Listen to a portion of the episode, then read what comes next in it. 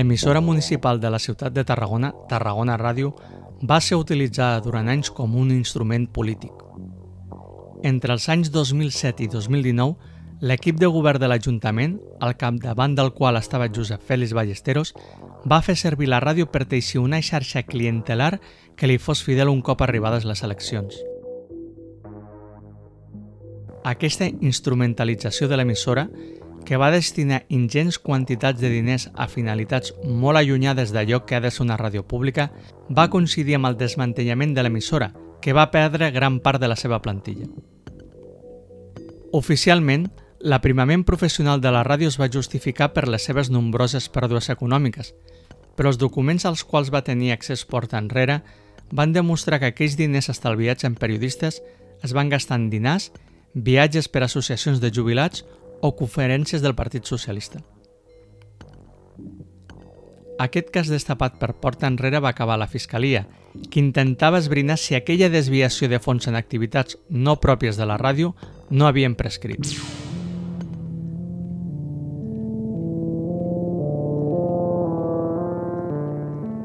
Tarragona Ràdio feia temps que estava a l'ull de l'huracà. El 2020 es va fer públic que una treballadora, la cap d'administració, havia sostret diners de l'emissora. Es parla d'uns 20.000 euros a través de factures falses. Mesos després, algú va entrar a la ràdio de nit i es va endur documentació. L'alarma no va sonar. L'apropiament de diners per part d'una empleada no va ser un cas únic en la història recent de Tarragona Ràdio. El 2016, una altra treballadora hauria sostret 3.000 euros, Resulta que aquesta empleada era germana de la que actualment està acusada per haver fet el mateix i que era la cap d'administració. Però aleshores, els responsables de Tarragona Ràdio no van denunciar l'empleada i es van limitar a acomiadar-la.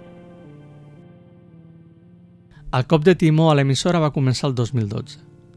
Aleshores, el nou gerent, Josep Maria Bonet, que posteriorment acabaria sent el cap de gabinet de Ballesteros, va substituir Ricard Laoz, que havia exercit de gerent i director de Tarragona Ràdio des de 1994. Amb la OZ es van acomiadar 3 periodistes i 4 treballadors més, és a dir, 8 persones d'un total de 24, la tercera part de la plantilla. Els acomiadaments van ser fulminants. Es van despatxar periodistes que feien més de 10 anys que estaven a la casa.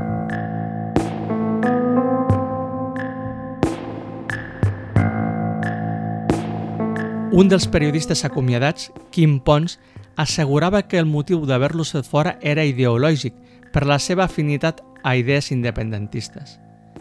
Pons assegurava que això li va dir un directiu de la ràdio un cop el van fer fora. Segons els responsables d'aquella època, Tarragona Ràdio estava sobredimensionada i calia retallar la plantilla. Els acomiadaments van comportar unes indemnitzacions de 436.000 euros, 174.000 dels quals corresponien a l'acomiadament del director. Entre l'any 1999 i 2017, Tarragona Ràdio va registrar unes pèrdues totals de 17 milions i mig d'euros. L'any amb més dèficit va ser el 2012, el dels acomiadaments, amb 1,4 milions, tot i que el 2006 i 2008 van registrar la mateixa xifra, molt lluny dels 66.000 euros del 1999. Els ingressos per publicitat de la ràdio eren ben escassos. El 2012, per exemple, eren de 72.000 euros i el 2016 la xifra només havia arribat als 89.000. L'Ajuntament havia d'injectar diners a l'emissora. A partir de 2018 la quantitat era d'uns 800.000 euros anuals. La situació econòmica i la justificació per l'acomiadament d'una tercera part de la plantilla podrien fer pensar que Tarragona Ràdio estaria sotmesa a un pla d'ajustament pressupostari, però els documents demostren que allò que es va estalviar per una banda es va gastar per una altra.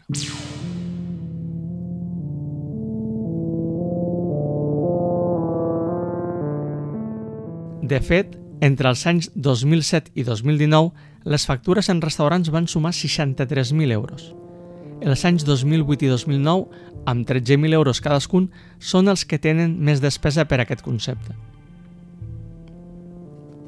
Les factures van a nom de l'aleshores gerent, Josep Maria Bonet, i en els sàbats apareixen el president del Nàstic, el cap de premsa de la Diputació, l'alcalde de Ballesteros, directius de les empreses petroquímiques, directius de mitjans de comunicació, el gerent d'Espinsa, Isidre Prunor, que havia gastat pel seu compte 20.000 euros en restaurants en 3 anys des d'aquesta empresa municipal.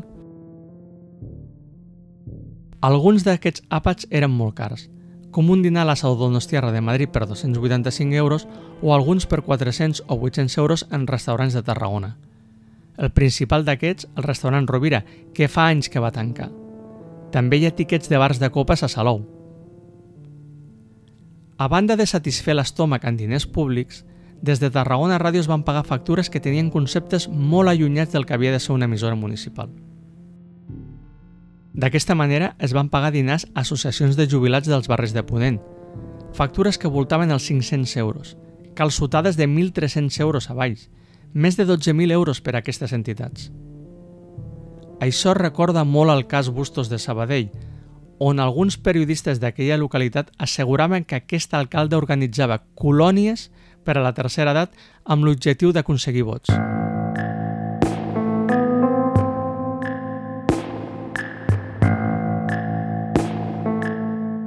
Des de Tarragona Ràdio es va donar diners a la Fundació Mare Terra d'Àngel Juárez, un exlíder veïnal, el president de l'emissora d'aleshores, Pere Valls, es queixava que Juárez no era convidat mai a la ràdio en l'època de la OZ. Tarragona Ràdio també va portar 23.000 euros a l'Associació Gitana de la ciutat, uns diners dedicats a pagar les festes d'aquesta entitat, lavabo portàtil inclòs. També es va portar 4.500 euros a la Casa d'Andalucía, amb motiu de la Fèria d'Abril. La presidenta de la Casa d'Andalucía és la dona del que llavors era el gerent de Tarragona Ràdio, Josep Maria Bonet. L'emissora va posar 7.500 euros per la mostra de rumba catalana o 55.000 euros per un festival de música anomenat Do It Yourself. Hi ha factures de músics que van actuar en centres cívics o una del concert de Fito i Fitipaldes de 8.200 euros a la TAP. Un dels músics que van facturar a Tarragona Ràdio va ser Miguel Alberto Cruz, que va ser durant molts anys president de l'Associació Músics de Tarragona. Cruz tenia forts vincles amb el PSC les factures enviades a Tarragona Ràdio són per la seva participació al grup Vergüenza Ajena i sumen 5.700 euros. De fet, Tarragona Ràdio també va pagar l'edició del disc de Vergüenza Ajena que va costar uns 3.000 euros. Entre la muntanya de factures sorprenents pagades per una emissora municipal hi ha les de les conferències fetes per polítics socialistes, com Jesús Usillos, que va costar 200 euros, o Esther Niubó, 127 euros. Una de les conferències es va produir durant la Setmana Cultural, però al revers de la factura es fa constar que és per la compra d'una pintura, amb marc inclòs. Hi ha despeses en editorials, com els 28.000 euros per l'edició del llibre Shalom Tarragona de Francesc Baix Calçada, exgerent de Tarragona Ràdio, o un llibre de receptes de Salvador Arimany, per 12.000 euros. Una de les factures més sorprenents és de Silva Editorial. Hi ha despeses de 8.000 euros per editar llibres que són autèntica propaganda del PSC, com Un any de progrés per Tarragona o la seva seqüela, Dos anys de progrés per Tarragona. Més tard es va fer un de similar que comprenia diversos anys i que va costar 6.000 euros. Silva va ser l'editorial que va fer el dossier dels Jocs Mediterranis, que va costar 24.000 euros però en la licitació d'aquest contracte es veu com hi ha una altra empresa que es va presentar, Inventat Comunicació. Tant Silva com Inventat són del mateix propietari, el marit de la desapareguda regidora socialista Ana Santos. Silva, a més, va passar factures a Tarragona Ràdio en concepte de festes a les associacions de veïns de diferents barris de Ponent. En total, 53.000 euros. L'emissora municipal també va pagar opuscles, fulletons i va fer diferents aportacions econòmiques a la Setmana Santa, especialment a la germandat del nostre Pare Jesús de la Passió, que va rebre 20.700 euros. Un dels fets més sorprenents, foscos i sospitosos és el del pastís del braç de Santa Tecla. Durant les festes de la ciutat, el Gremi de Pastissers ofereix a la ciutadania gratuïtament un gran braç de gitano a la plaça de la Font és una acció que va a càrrec del gremi. El president del gremi era Josep González, propietari de la pastisseria Conde. Aquesta pastisseria, però, va enviar factures a Tarragona Ràdio per aquest concepte, al braç de Santa Tecla. González va negar porta enrere que hagués facturat la seva part del braç de Gitano, però sí que hi ha factures per un import de 1.400 euros cada any. Quan se li diu, González recupera la memòria i assegura que es tracta dels braços sense gluten que el gremi havia de comprar a Barcelona perquè ells no els feien. Però resulta que la pastisseria que fa la compra d'aquests braços sense gluten és la Palau i no la Conde. Existeixen aquestes factures de la Palau que sumen 600 euros cada any. Porta enrere va poder saber que aquestes factures de la Conde estarien amagant apats pagats per la ràdio a membres de l'empresa Fomento de Construcciones i Contrates, l'empresa que s'encarrega de la recollida i gestió de la brossa a Tarragona. Tarragona Ràdio també va pagar la pista de gel que es va fer a la plaça Verdaguer, 61.000 euros. Hi ha factures en el marc dels Jocs Mediterranis, un total de 75.000 euros a l'empresa Octagon, que era l'encarregada d'aconseguir patrocinis privats. Aquests diners es van destinar, segons les factures, als espectacles d'inauguració i cluenda dels Jocs. A banda, hi ha una factura per la compra de 50 entrades d'un partit de waterpolo dels Jocs entre Espanya i Itàlia.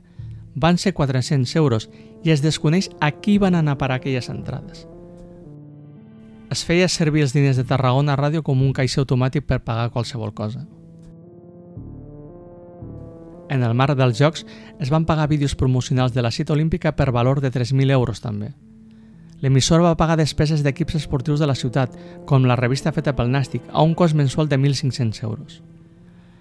També es va pagar la revista del club de bàsquet ADT, 900 euros al mes. I hi ha pagaments per sufragar els viatges en autobús dels equips inferiors del CBT, com una Getafe per 650 euros. A banda de Tarragona Ràdio, hi ha una altra emissora pública a la ciutat.